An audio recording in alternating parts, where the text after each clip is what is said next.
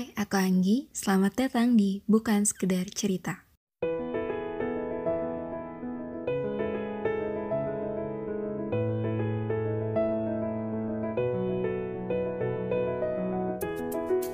Di episode kali ini, aku tentunya nggak sendirian sama seperti episode sebelumnya. Tapi kali ini aku ditemani oleh dua orang. Mereka adalah teman aku uh, yang aku rasa mereka punya banyak pencapaian, tapi kelihatannya mereka bisa tough dalam menghadapi tantangan-tantangan yang ada di balik pencapaian-pencapaiannya itu. Kelihatannya ya. Kita belum tahu nih, jadi nanti dengerin aja cerita dari mereka. Oke, di sini ada Fajri. Fajri ini sekarang lagi bekerja di bagian business development di perusahaan Artemis. Uh, waktu S1 Fajri ini adalah seorang mahasiswa berprestasi Unpad. Dia juga pernah ikut program student exchange ke Jepang selama sekitar 10 bulan.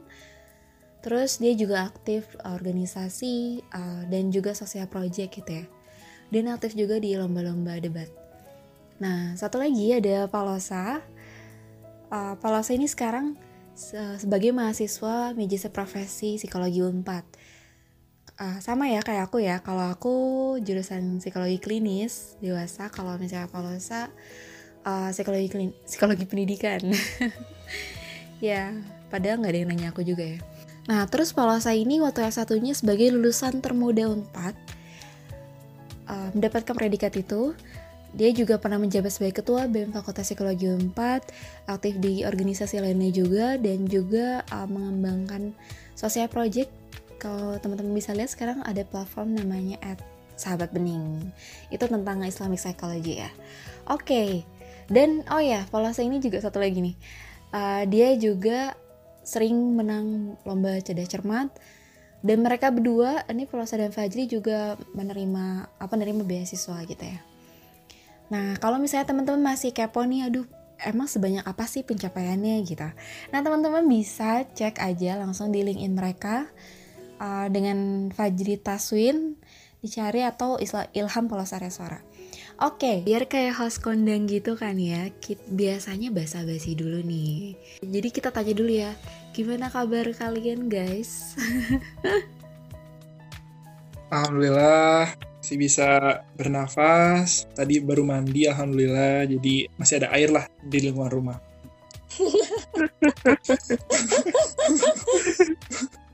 Ya alhamdulillah masih baik juga. Tapi bedanya sama Valosa udah mandi Baru udah mandi Jo kemarin maksudnya oke ya, ya Berarti ya alhamdulillah masih pada baik ya, masih pada survive meskipun di masa pandemi ini ya guys ya. Betul. Alhamdulillah. Alhamdulillah.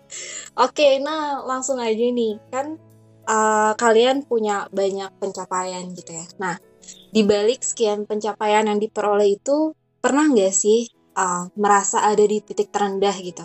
Mungkin merasa kayak aduh gue give up deh atau aduh gue mau istirahat aja gitu. Atau malah mungkin kayak apa itu titik terendah wis kayak gue jalannya mulus terus gitu. Gimana gimana? Mungkin dari uh, siapa ya? Fajri dulu ya. Gimana Jri apa dari Falosa dulu nih? Ya boleh boleh. Gitu ya. dari dari gue dulu aja. Ah. Uh, ya kalau dari gue sih Uh, ya assalamualaikum dulu. Assalamualaikum warahmatullahi wabarakatuh. Jadi kalau pengen sharing-sharing sebenarnya sedikit konteks ya sebenarnya kalau dari yang tadi Anggi jelasin, uh, alhamdulillah gue banyak dikasih kenikmatan oleh Allah swt selama kuliah, ketemu orang-orang keren, orang-orang hebat, dapat social system yang bagus sehingga gue ketika dapat banyak setback banyak ujian gitu istilahnya gue nggak patah tapi ada satu masa di mana kayak gue ngerasa hmm, ya, ibaratnya titik nadir gitulah jadi kayak hmm. gue banyak banget uh, jadi dulu itu gue selalu kalau di dalam hidup gue tuh bukan dalam hidup ya tapi sejak kayak kuliah gue uh, pengen merubah kan. Kayak di awal-awal kuliah tuh gue ngerasa uh, eh, gue pengen jadi orang yang lebih baik lah. Karena waktu SMA gue agak suram. SMA gue tuh gue ini banget apa namanya uh, orang-orang sering bukan sering kayak tapi pokoknya orang sering mandang sebelah mata lah. Hmm. gue pendiam banget di kelas gak ada temen hampir gak ada temen. Terus habis itu kayak eh, sangat-sangat minderan lah pokoknya. Gue ngomong tuh kagak gak, gak, terlalu bisa ngomong lancar gitu-gitu. Kayak temen-temen c- maksudnya ngomong sama cewek aja kagak bisa gitu biasa dulu. Saking groginya. Nah waktu kuliah tuh gue pengen berubah dan gue alhamdulillah eh, membuat sebuah kayak apa namanya eh, target gitu loh. Gue kayak membuat 100 target lah istilahnya terinspirasi dulu. Kalau misalnya teman-teman yang dengar ini tahu namanya eh, Danang Ambar Prabowo punya video namanya pembuat jejak itu dulu zaman gue angkatan 2013 nih. Waktu 2013 masuk kuliah tuh lagi hot-hotnya. Nah alhasil gue bikinlah 100 target itu gitu loh. Jadi kayak serat, eh, gue selalu punya perencanaan semester 1 mau ngapain dua mau ngapain terus sampai semester 6 nah seiring berjalannya waktu tuh gue nggak selalu mulus ya kadang-kadang ada kegagalan juga. Tapi kayak ketika akhirnya alhamdulillah Allah swt ngasih gue ke karunia untuk bisa akhirnya mencapai impian gue dari maba mahasiswa baru yaitu gue pengen jadi mahasiswa berprestasi. Dan kayak gue apa gue juga nggak tahu apakah gue bisa atau enggak dan gue agak nggak percaya juga. Tapi pada akhirnya bagi gue itu adalah salah satu momen yang paling paling peak lah salah satu momen peak yang di mana eh, peak tuh masih tinggi banget. Jadi di mana kayak gue ngerasa eh gue bisa dapat itu. Tapi setelah itu gue setelah dapat mahasiswa berprestasi ini malah gue kayak agak agak kayak ngerasa apa ya agak ngerasa gue bingung gue mau ngapain lagi gitu. Gue kayak eh, ada semacam perasaan gue nggak tahu gue mesti ngapain. Dan setiap kali eh gue ngelihat ya waktu itu kayak ada semacam perkumpulan beasiswa namanya Bakti Nusa. Gue ngelihat teman-teman di Bakti Nusa tuh ternyata pencapaiannya jauh lebih tinggi dari gue. Ada banyak banget yang jauh lebih tinggi dari gue. Dan ya gue karena anaknya ambis juga ya, kayak pengen juga biar bisa kayak gitu, bisa keluar negeri lagi selain dari yang exchange ke Jepang, kayak gitulah. Dan gue kadang-kadang suka mikir, Mahapres ini sebenarnya gue nggak deserve banget ini karena prestasi gue tuh dikit banget sebenarnya. Gue juga bingung kenapa gue kepilih. Tapi nggak tahu kenapa gue kepilih. Apa? Karunia. karunia ya bener. Karunia izati. Waduh.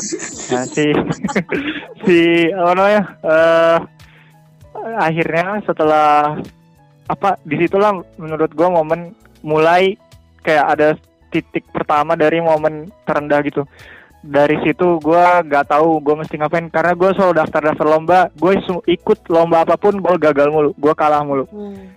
dibanding dulu sebelumnya kan gue ikut lomba menang lomba menang lagi kayak gitu gitu Hmm. ini kayak gue gagal terus.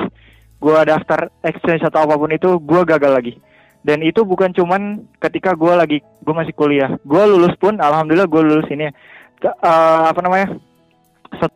Gue daftar kerja gue pernah gagal tapi menurut gue itu nggak ini eh, nggak terlalu signifikan yang paling signifikan adalah gue setelah kuliah tuh gue punya target pengen S2 langsung Hmm. Nah, setelah gue daftar, yang pertama pertama itu adalah gue daftar LPDP. Jadi kayak gue, pokoknya intinya gue selalu nggak lulus.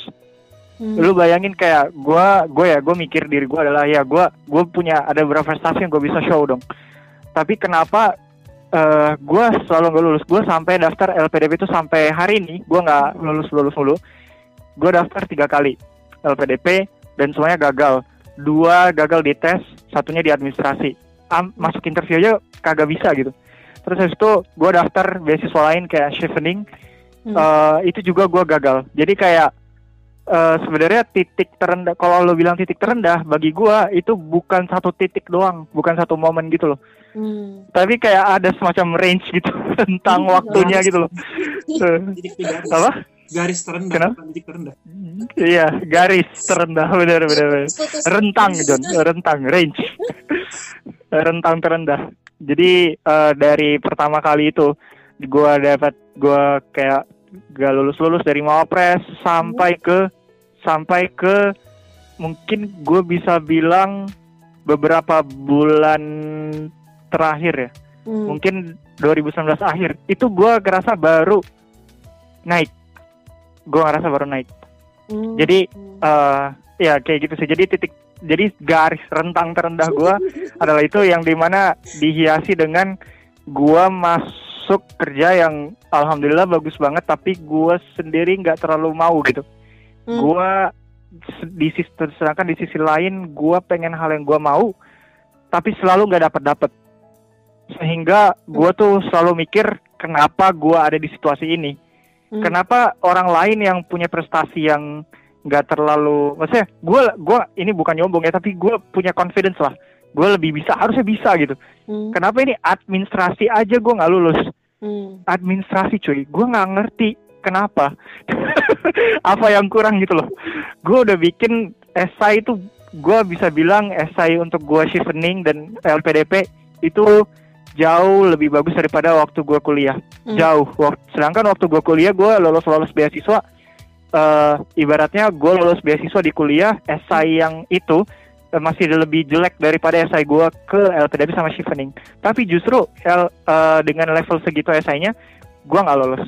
Itu kan akhirnya gue apa namanya eh, gitulah apa namanya gue agak apa namanya down lah down itu Hmm. downnya parah. Nah ini gue sampai sini dulu Gi. Eh, lu mau gue ceritain sampai resolusinya apa apa ke Valosa dulu apa gimana? Nah ini juga lagi mikir jadi gimana cara motongnya gitu. siap.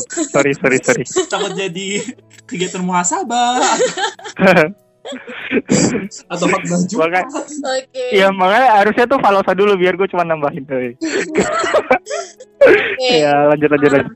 Oke, thank you. Jadi, nah, jadi kalau dari Fajri sendiri, sebenarnya mungkin bukan ke titik tapi lebih ke rentang gitu ya, karena Hmm. kayaknya nggak cuma uh, satu titik gitu, tapi panjang gitu ya perjalanan untuk ngerasa, aduh kayaknya lagi di bawah gitu. Oke, nah sebelum lanjut ke berikutnya, mau tahu dulu nih kalau dari Palosa sendiri gimana? eh sama sih kalau misalkan dari gue sendiri bahkan mungkin pembangunan apa ya momen ke puncak gue tuh kayaknya lebih panjang daripada Fajri jadi gue ngerasa dari gue SMP ya mungkin dari anggapnya dari SMP lah ya dari SMP tuh gue ngerasa kayak di sekolah tuh gue gue di Cirebon ya waktu itu SMP gue di Cirebon sampai kelas 2 itu gue terkenal termasuk yang paling pinter lah waktu gue di SMP. Nah bahkan guru gue tuh sampai mau ikutin gue ke lomba-lomba, tapi akhirnya sebelum gue ikut lomba gue pindah. SMA, eh, gue pindah ke Jakarta. Di Jakarta, gue dari anak kampung kan, dari anak Cirebon gitu. Orang Jakarta juga, ah Cirebon itu apaan gitu. Eh, beberapa orang banyak yang nggak tahu. Hmm. Nah, tapi gue di sana gue terkenal pinter juga lah eh, di Jakarta. Jadi terus gue pindah ke Cirebon SMA gue Axel. Di Axel ya menurut gue saat itu keren Axel gue tuh Axel kata pertama di Cirebon jadi kota gue tuh pertama gue masuk dan di Axelnya pun gue grafik gue meningkat gue sampai sempet juara satu lomba debat bahasa Inggris sewilayah tiga wilayah tiga tuh wilayah tiga itu ibarat Jabodetabek tapi ini Cirebon jadi nggak cuma Jakarta doang atau nggak cuma Cirebon doang tapi sama lingkungan sekitarnya. Nah itu gue juara satu. Jadi gue ngerasa grafik gue tuh meningkat tuh. Kuliah nambah lagi. Gue ngerasa peak performance gue tuh sama kayak Fajri pas lagi S1 jadi pas lagi zaman S1 tuh ya tadi ya mungkin ada beberapa kayak gue eh, menang lomba cerdas cermat nasional tiga kali berturut-turut terus gue juara dua terusnya eh gue dapat beasiswa berapa? Tiga atau empat beasiswa gue lupa. Pokoknya kayak bener-bener eh, gue ngerasa ya itulah sampai satu tuh peak performance gue banget. Yang mana itu menurut gue kayaknya emang se- setuju sama Fajri. Ya Allah sa- lagi mencurahkan mengucurkan berbagai nikmatnya itu ke gue saat-saat itu gitu.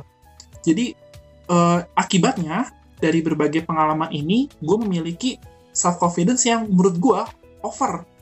Kayak Hmm. gue ngerasa wih gue ya eh, masih nggak tahu ya menurut gue tuh gara-gara tadi gue jadi memiliki itu ya self confidence tinggi dan gue punya self expectation yang tinggi gitu. Gue ah gue harus bisa lebih nih lebih jadi udah terbiasa untuk berhasil.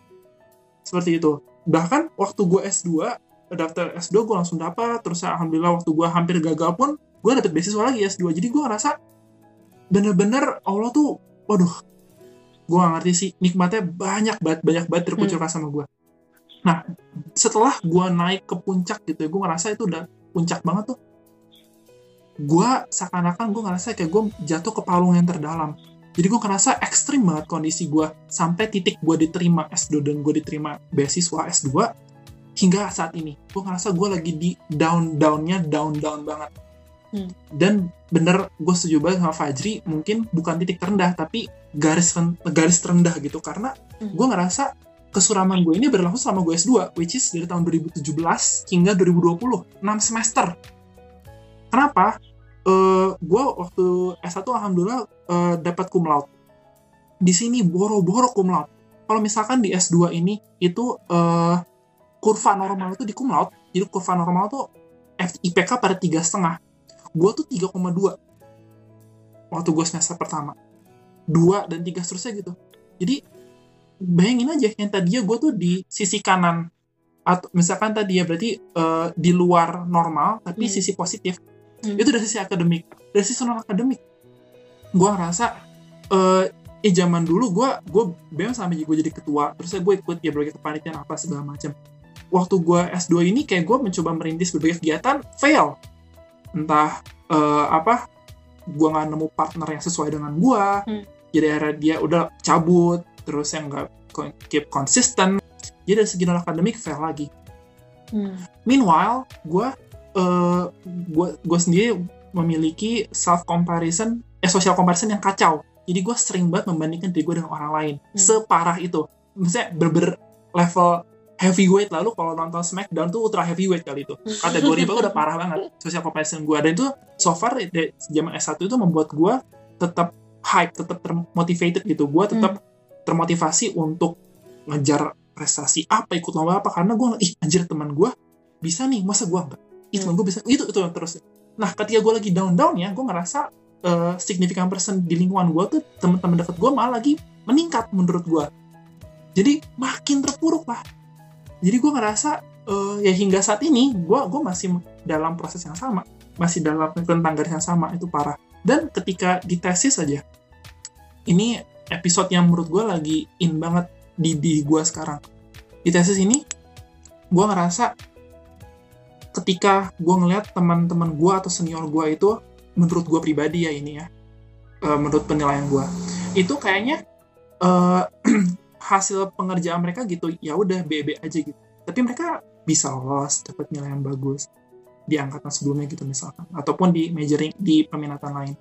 Jadi gue ngerasa gue enggak gue kayak udah ngerasa berusaha habis-habisan tapi kayaknya pembimbing gue nggak menurut gue ya nggak mendukung apa nggak nggak membuat gue bisa memperoleh hasil yang sama. Jadi seakan-akan kayak ada perbedaan standar atau perbedaan itulah eh, pembimbing gitu yang berdampak signifikan banget terhadap kemajuan tesis gue misalkan terhadap eh, bagaimana gue mengerjakan tesisnya. Jadi eh, dan eh, dalam pengerjaan tesis saja gue tuh udah berkali-kali membuat target gagal target gagal. Jadi bener-bener frustasi yang gue rasakan tuh literally frustasi kan frustasi kan definisinya ketika lu berusaha eh, gag- terus gagal dalam melakukan sesuatu nah itu gue frustasi banget bener-bener gue ngerasa kayak I'm such a failure gitu parah gue bener-bener jadi sampai detik ini gue masih di titik itu masih di garis itu gitu bener-bener sedown downnya Hmm, oke.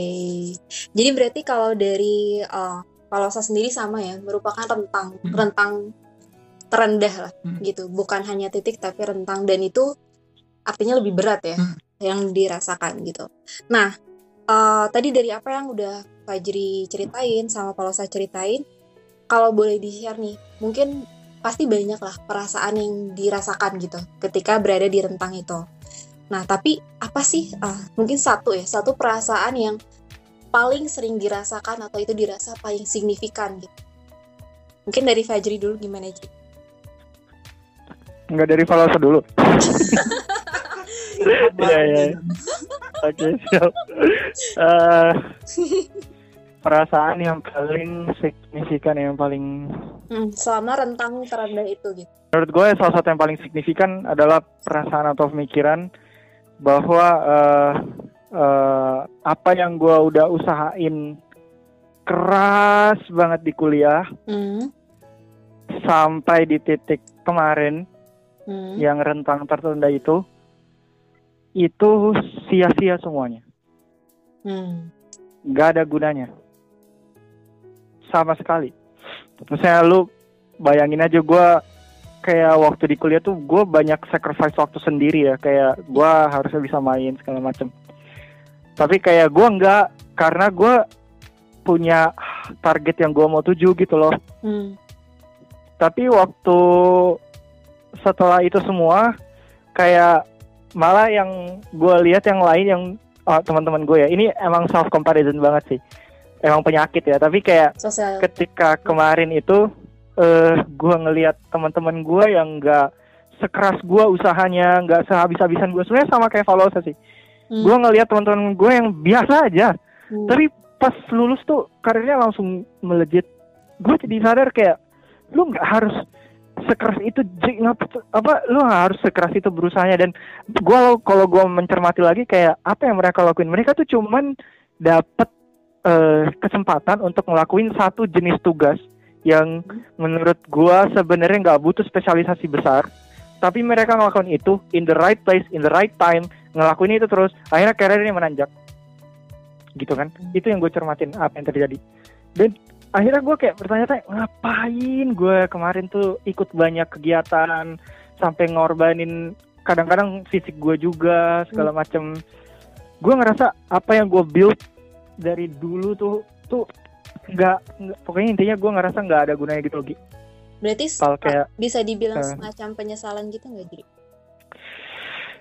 bisa dibilang ada semacam ketika lo nanya apakah ini penyesalan ada rasa emang emang nyesel emang nyesel gue gue gue nyesel tapi Hmm. ya itu gue gue berusaha untuk akhirnya respon pertama gue dari penyesalan itu adalah eh mencari apa yang gue dapetin gitu Hmm. apa yang gue dapetin kayak gitu sih jadi eh, per- apa jawaban dari pertanyaan lu adalah gue perasaan gue eh, penyesalan dan kesedihan yang mendalam karena gue ngerasa gue banyak miss good moments kayak apa namanya mungkin gue missing ya gue jujur aja ya kayak gue gue tuh ada agak lame juga sih gue cerita tapi kayak gue kadang gue apa eh, bisa ada banyak kesempatan untuk gue bisa pacaran. Dan gue pengen banget pacaran. Sama cewek yang gue rasa cakep banget. Gue ada beberapa lah ada eh, ada Ini banget episode-episode itu. Ya pokoknya ada episode episode itulah ada episode episode itu. Eh, kalian berdua pura-pura nggak tahu aja. Jadi jadi kayak eh, Wow. oh gitu Iya, iya. Ih, gila. Iya iya iya. Ya gak usah deh. Gak jadi gak jadi gak jadi. Iya udah. Eh, jangan pura-pura nggak tahu. Iya jadi kayak gitu lah pokoknya. eh apa namanya? Ada episode episode student gue ngorbanin itu. Gue Oke. apa ha, kesempatan kesempatan itu gue ya udah gue apa gue korbanin. Tapi maksud gue adalah momen-momen itu loh yang sebenarnya menghiasi kuliah, menghiasi menghiasi kehidupan lu gitu Padahal loh. lu kalau nggak dikorbanin bisa Hmm. punya 10 mantan ya Jri ya? Wah mungkin 20 mantan kali gitu. Wadidaw. Ya agak. Jir, ya gitulah pokoknya. Eh, sorry, gue khotbah Kelihatan lagi gue. emang. Hmm, hmm. Oke. Oke, balik lagi ya tadi berarti kalau dari Fajri sendiri uh, perasaan yang paling signifikan yang dira- dirasain gitu ya sama rentang kegagal rentang terrendah itu adalah penyesalan tadi gitu yang ngerasa kok kayaknya uh, sia-sia gitu yang kemarin. Tapi di balik itu juga selalu berusaha untuk berpikir positif dalam artian apa nih yang bisa dilakuin untuk lebih baik gitu kan Hijri ya. Eh, apa yang Oke, nah jadi eh, tadi gitu ya, Ji. berarti positifnya itu lebih ke apa yang hal positif yang bisa lo ambil dari sebelumnya gitu ya. hmm, Oke, nah kalau dari Palosa sendiri gimana? Eh, kalau yang gue rasain sih yang pernah frustasi ya. Hmm? Itu menurut gue emosi yang sangat kental gue rasakan sekarang. Karena tadi kayak eh gue mencoba membuat target, gagal target, gagal kayak target terdekat ya. Tadi gue mentargetkan gue bisa menyelesaikan studi gue ini di bulan Juni agar gue bisa mendaftar eh, beasiswa ke Australia untuk PhD. Tapi fail. Dan itu bukan yang pertama kali. Kayak wah udahlah benar-benar abis-abisan jadi frustasi yang pertama. Yang kedua, gue sering banget gue ngerasa hopeless sih. Jadi kayak Hmm.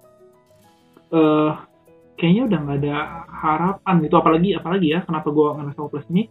Karena tadi IPK IPK di S2 gue menurut gue suram lah. Sedangkan kalau misalkan tadi kan gue emang pengen jadi dosen kan. Sedangkan eh untuk jadi dosen itu IPK ya karena dunia akademik ya jadi IPK memegang peran yang cukup vital. Nah, IPK ini menjadi eh, hal yang penting di mana beberapa univ yang gue lihat itu prefer yang cum laude. Hmm. Itu 3,7 lah untuk di S2. Nah, gue jauh Hmm. eh, jauh di bawah itu. Jadi kayak gue anjir, nanti gue kelar nih gue apa ya gitu gue ngapain. Jadi kayak gue hopeless. Itu sih gue ngerasa full of negative emotion lah Hmm. eh, ya, di, di rentang garis yang terendah ini gitu. Hmm. Tapi yang paling signifikan atau yang paling sering itu frustasi sama hopelessnya itu ya. Hmm, hmm. Hmm. Oke, nah tadi dari kalau uh, Fajri lebih ke merasa ke arah penyesalan ya, terus kok kayaknya kemarin sia-sia. Kalau dari Valosa lebih ke frustasi dan hopelessnya tadi. Nah, uh, gimana cara kalian untuk ngatasin itu selama ini gitu? Apa yang kalian lakuin? Coba dulu saya dulu, kalau saya gue khotbah lagi. Main FIFA dulu Jan. Yang kalah duluan. tadi ya bahas bebas. pacar duluan kali ya? Kenapa? Siapa dulu? yang tadi bahas tentang pacar gitu, jadi Jadi gue dulu nih. Nah, Oh. kan ada kan? Oh ada yang bahas pacar. Ada. Oh iya iya iya iya ada ya.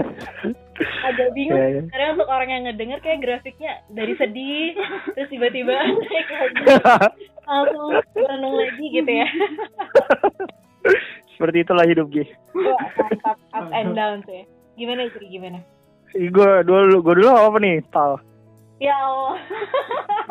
Udah lu aja. Ya udah. Eh tadi pertanyaannya apa? Gimana mengatasi itu? yang Pertama setelah pertama dari 100 nih, jadi. pertama dari 100. Per- pertama eh oh gue sebelum itu gue pengen cerita dulu nih. Eh enggak enggak, enggak usah. Nanti aja. Jadi Jadi jadi bisa mendengar dengusan nafas Anggi ya Jri kayak Kode-kode ya. Masalahnya apa sih? menghela nafas panjang langsung gue kayak gak usah nanti aja. Ditarik lagi. Iya iya iya iya. Kelar? Oh, maaf Gi, maaf. Iya iya. Jadi intinya Opo. yang pertama yang gue lakuin adalah gue belajar bahwa eh gue coba untuk mencermati dulu apa yang terjadi gitu loh. Hmm. Is- Istilahnya what the fuck happened. Hmm. Perta- dua pertanyaan kan. Pertama kenapa gue bisa gagal? Hmm. Yang kemudian kedua adalah kenapa gue bisa eh kenapa orang lain bisa mulus-mulus banget sedangkan gue kayak gini tertatih-tatih gitu kan. Nah, gue sekarang lebih bisa jawab pertanyaan kedua daripada pertanyaan pertama. Kenapa orang-orang lain mulus? Jadi gue setelah masuk eh, pertama kan gue definisiin dulu kenapa gue bisa bilang mereka mulus gitu. Hmm. Oh, ada yang dapat kerja bagus banget sampai ke Dubai pulang balik. Sedangkan dia waktu kuliah biasa aja. Hmm. ada yang apa namanya eh, langsung dapat up, eh, passionnya dia terus habis itu sekarang udah jadi manajer gitu-gitu. Kuliah bagus tapi kayak mungkin ya dia dia enjoy aja gitu. Dan sampai sekarang enjoy tetap terus. Ada yang S2 langsung. Sedangkan eh apa namanya ya tadi gue bilang dia mungkin secara organisasi nggak ini banget sedangkan gue tahu LPDP tuh maunya organisasi. Kenapa dia yang dipilih? Kenapa gue nggak? Gitu-gitu. Pertanyaan-pertanyaan gitu. Nah eh, ketika gue mencermati itu gue mendefinisikan oh ternyata mereka nih orang-orang yang bisa. Nah kalau di S2 eh, sampai hari ini gue nggak tahu kenapa mereka bisa. Mungkin esainya bagus. Gue belum terlalu explore kenapa. Karena ini berkaitan dengan pertanyaan pertama tadi gue kenapa gue gagal? Soalnya jujur gue nggak tahu.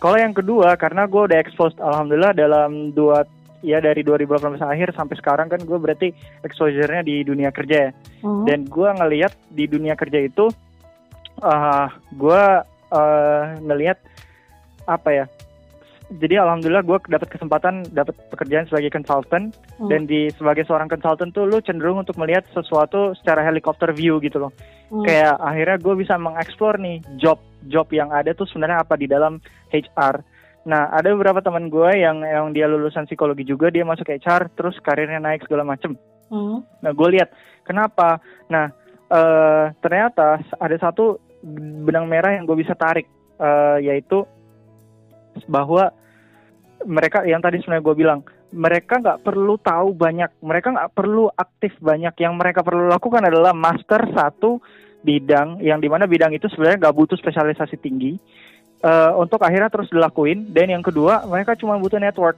Jadi kayak meskipun mereka dulu biasa-biasa aja di kuliah terus pas setelah kuliah gue nggak tahu ya mungkin keluarganya bokapnya atau siapa ngasih network itu mereka keterima kerja di di situ kemudian ya udah tinggal dikembang. Nah itu satu ya. Itu untuk jawaban terhadap kenapa teman-teman gue ada yang berhasil sedangkan dia biasa aja di kuliah.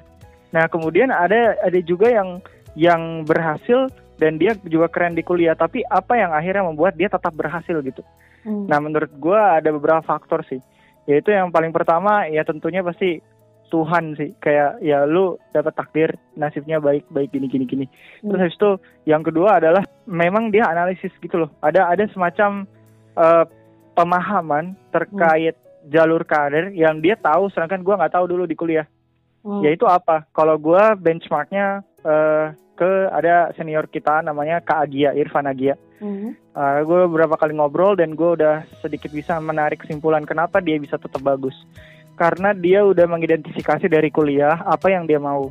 Jadi dia udah ngegambarin karir pathnya. Gua itu dulu gue kejar semua, gue ngambil semua, gue coba semua, which is not bad, tapi ke time consuming dan resource yang dibutuhkan tinggi gitu.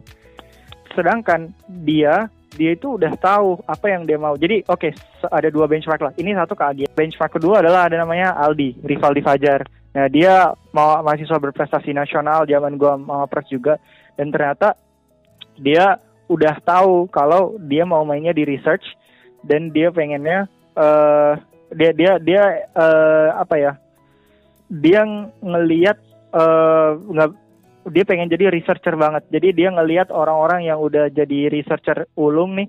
Habis itu dia uh, apa namanya dia ngel, uh, kayak ngelis gitu apa yang mereka punya di CV mereka di LinkedIn mereka. Habis itu dia kejar hal yang mereka mereka mau gitu. Hmm. dan gue gue tahu uh, di, jadi intinya dia udah punya career path yang dia udah tahu oke okay, gue mau ngambil ini dan akhirnya dia tekunin gitu. Jadi hmm. menurut gue uh, gue gue akhirnya mengambil kayak ya udah uh, apa namanya garis garis uh, benang merahnya gitu. Oh. uh, bahwa bahwa kayak gitu gue harus lebih tahu apa yang gue mau dan gue harus ngegambarin semua. Intinya kayak si gue akhirnya nyadar kalau uh, semuanya tuh mm. udah di set jadi gue nggak perlu khawatir. Semuanya udah di set oke okay. bulan Oktober eh apa namanya ya Desember 2019 gue masih nggak tahu gue mau ngapain dengan hidup gue mm. tapi uh, April dan dan Desember juga gue nggak keterima chevening makin makin gue mm. April eh sorry Maret tiba-tiba gue dapat offer yang mana memberikan gue kesempatan untuk gue bisa mendekati uh, apa yang gue mau yang gue udah gue planning setelah hasil analisis itu dan hmm. meskipun masih belum tahu kayak gimana tapi itu kayak satu step okay. ketika gue merhatiin cara gue bisa dapetin itu semua terjadi begitu saja gitu loh hmm. kayak tiba-tiba gue gua mau ngajak teman gue anak ITB ngobrol karena kebetulan dia kantornya deket terus tahu-tahu kita makan bareng dia ngomong jadi ini ada kita lagi nyari orang gini-gini terus gue tertarik emang kerjanya kayak gimana? Wah ternyata sesuai banget sama yang gue mau. Ya udah gue bilang gue tertarik nih. Dan itu cuman kayak gitu doang. Tiba-tiba minggu depannya bosnya minta uh, apa minta gue ketemu minta ketemu sama gue akhirnya gue interview.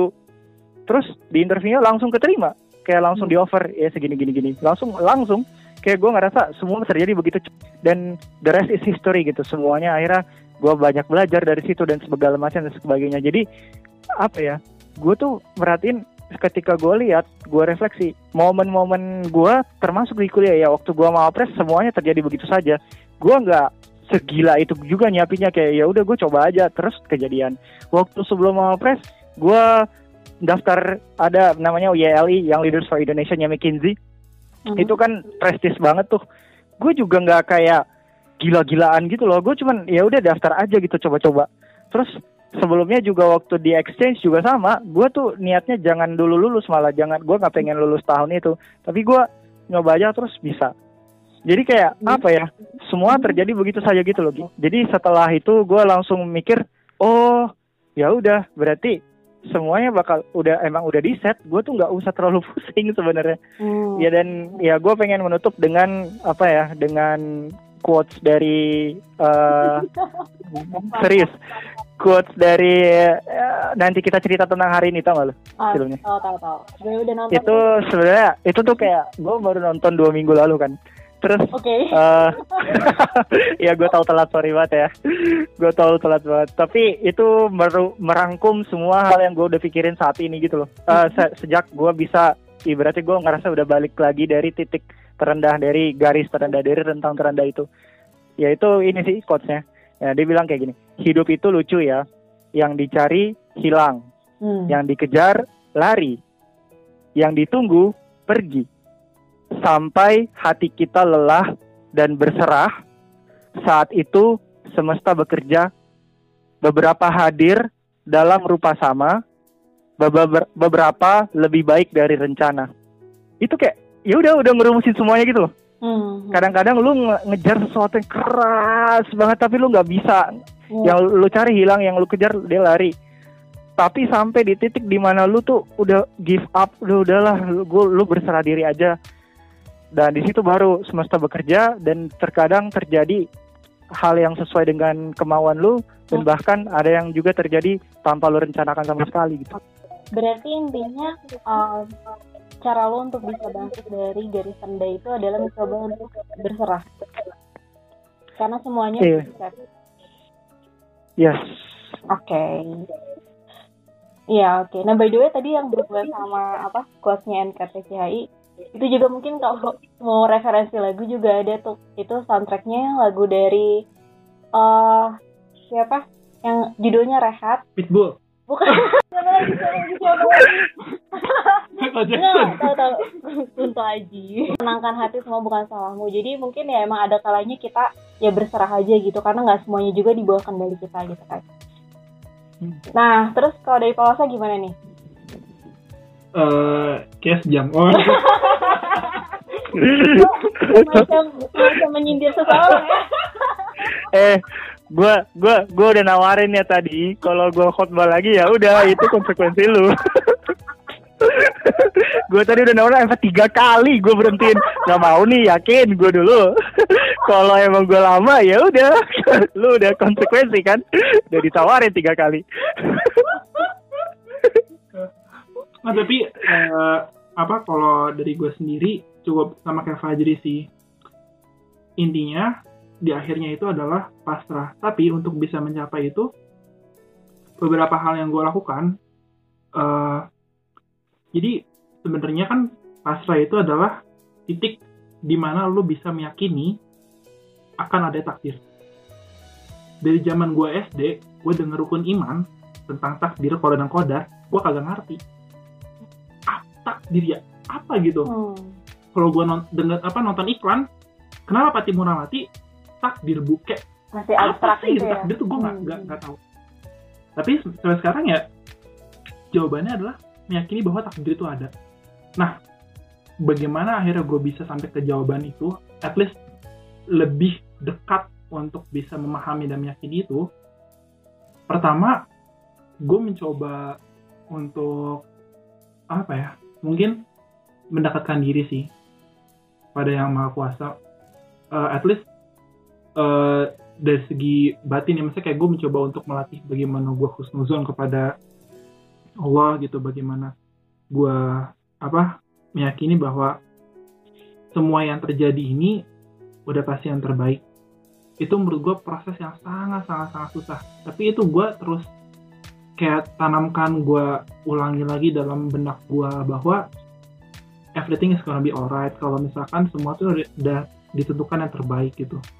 Gue tuh nggak tahu apa-apa dan yang gue suka belum terbaik buat gue tapi yang gue gak suka mungkin terbaik buat gue maksudnya itu yang terus kayak terus eh kayak gue tuh udah sering banget ngerasa kayak capek banget dalam menjalani hidup ini kayak udahlah gue pengen nyerah dan fuck it up gitu. Hmm. Tapi gue nggak tahu ya. Kayaknya emang ini gue juga cukup berterima kasih pada eh, perusahaan-perusahaan teknologi seperti Google atau YouTube atau segala macam YouTube lah terutama ya. Karena history gue tuh banyak nonton mungkin video-video inspirasional atau Hmm. motivasi. Akhirnya itulah yang muncul di home gue kan. Da- tadi gue mau nonton anime eh ada itu ya udah gue nonton itu dulu. Nah dari dari video-video inspirasi itu kayak misalnya gue teringat lagi eh, terpapar lagi oleh orang-orang yang menurut gue keren banget sekeren itu. Hmm, yaitu mereka mencapai ke sana nggak tiba-tiba Hmm. gitu. Nggak dapat runtuhan meteor dari langit enggak tapi ya it's a process. Dan kayak ini sih yang yang gue juga sudah mencoba menerapkan dari zaman gue kuliah itu adalah gue punya cita-cita hmm, itu sih yang membuat gue bisa gerak. Pertama karena itu menjadi motivasi gue kayak gue harus mengarah ke sana. Kedua gini gue itu jadi menteri pendidikan. Dan gue yakin ini yang gue yakini banget menteri pendidikan itu ujiannya nggak se nggak sekerocok ini gitu. Hmm. ya lu akan menghadapi ujian bagaimana lu menentukan kebijakan yang menentukan nasib umat atau generasi bangsa tapi berbenturan dengan eh, arus politik berbenturan dengan kepentingan. Adanya sogokan adanya wah maksudnya godaan dan cobaannya menurut gua wah udahlah. Itu level yang menurut gua sangat-sangat berkali-kali lipat dibandingkan cobaan. Jadi gua ngerasa ya mungkin ini wadah gua untuk latihan. Mungkin Allah tuh ngasih cobaan-cobaan itu untuk menyiapkan gua menjadi someone better in the future. Hmm. karena yang nggak mungkin gue tiba-tiba bisa kebal mempunyai mental yang kuat terhadap berbagai macam rintangan yang akan terjadi nanti. Kalau di masalah gini aja gue nggak sanggup. Di masalah cobaan yang sekarang gue hadapi yang kayaknya berat banget seberat bumi ini tuh mungkin gue nggak sanggup tuh gimana nanti Hmm. jadi eh, itu sih Eh, pertama tadi mendekatkan diri kepada Allah untuk bisa meyakini bahwa qadar dan qadar is really happening itu ada kita Hmm. doang yang nggak tahu bagaimana mekanisme itu bekerja. Yang kedua adalah lu mempunyai cita-cita yang tinggi banget dan itu mematri lu, yang itu membuat lu menjadi jangkar ketika lu lelah, ketika lu pengen fuck it up, ketika lu pengen melarikan diri dari kehidupan ini ya, Hmm. lu punya tadi si jangkar itu. So far sih itu sih yang gue lakukan. Jadi ya eh, dan gue mencoba try to forgive myself sih.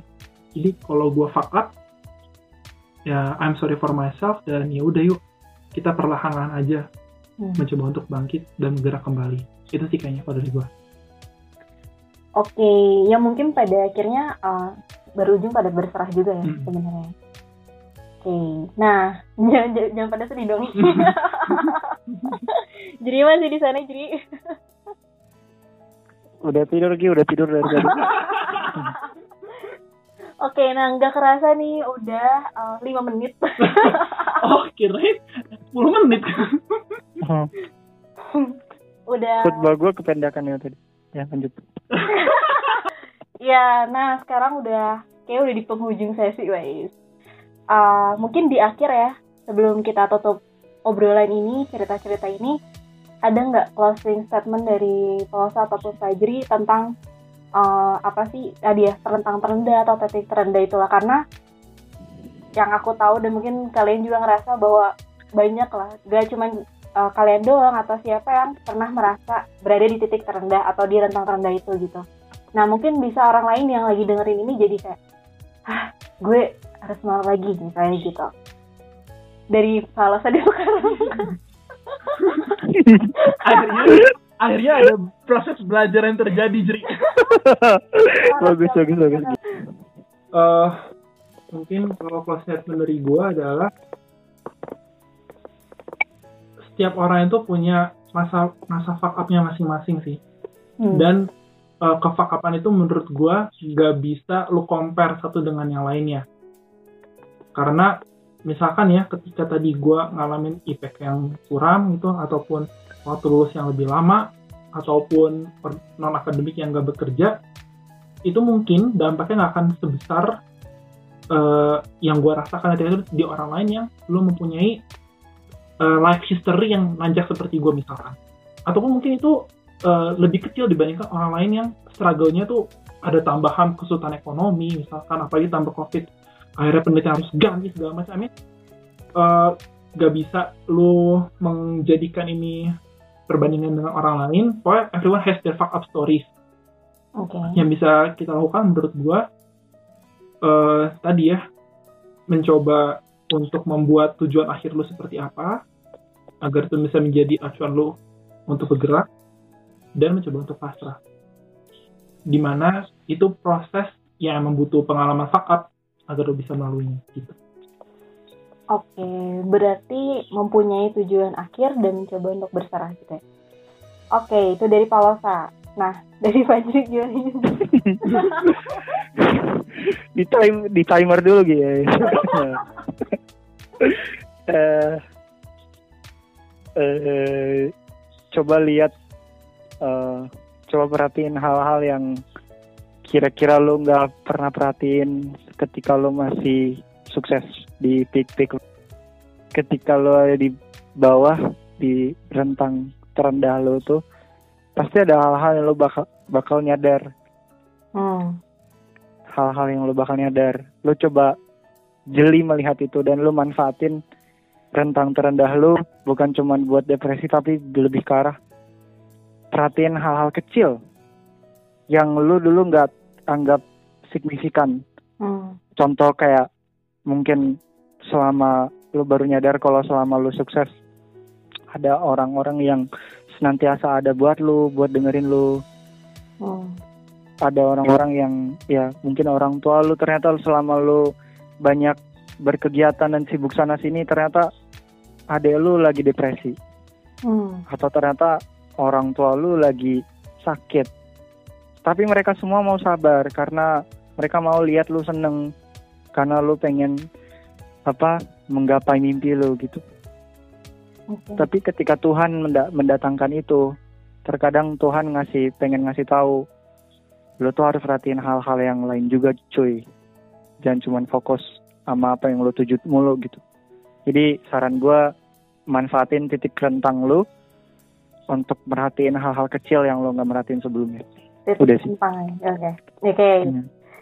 Jadi berarti kalau dengan manfaatin titik eh apa garis atau titik terendah itu untuk melihat hal kecil yang mungkin kita nggak sadari ketika kita berada di garis tertinggi gitu ya.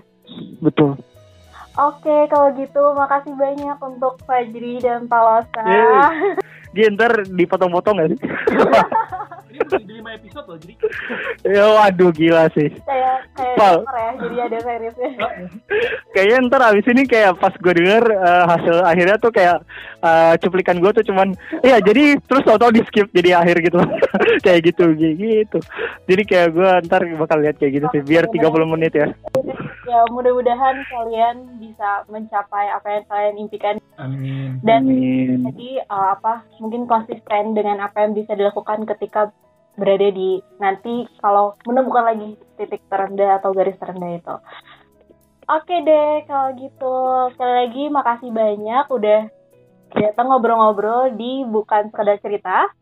Uh, nah buat teman-teman nantikan juga episode-episode selanjutnya dari bukan sekedar cerita. Bye. bye bye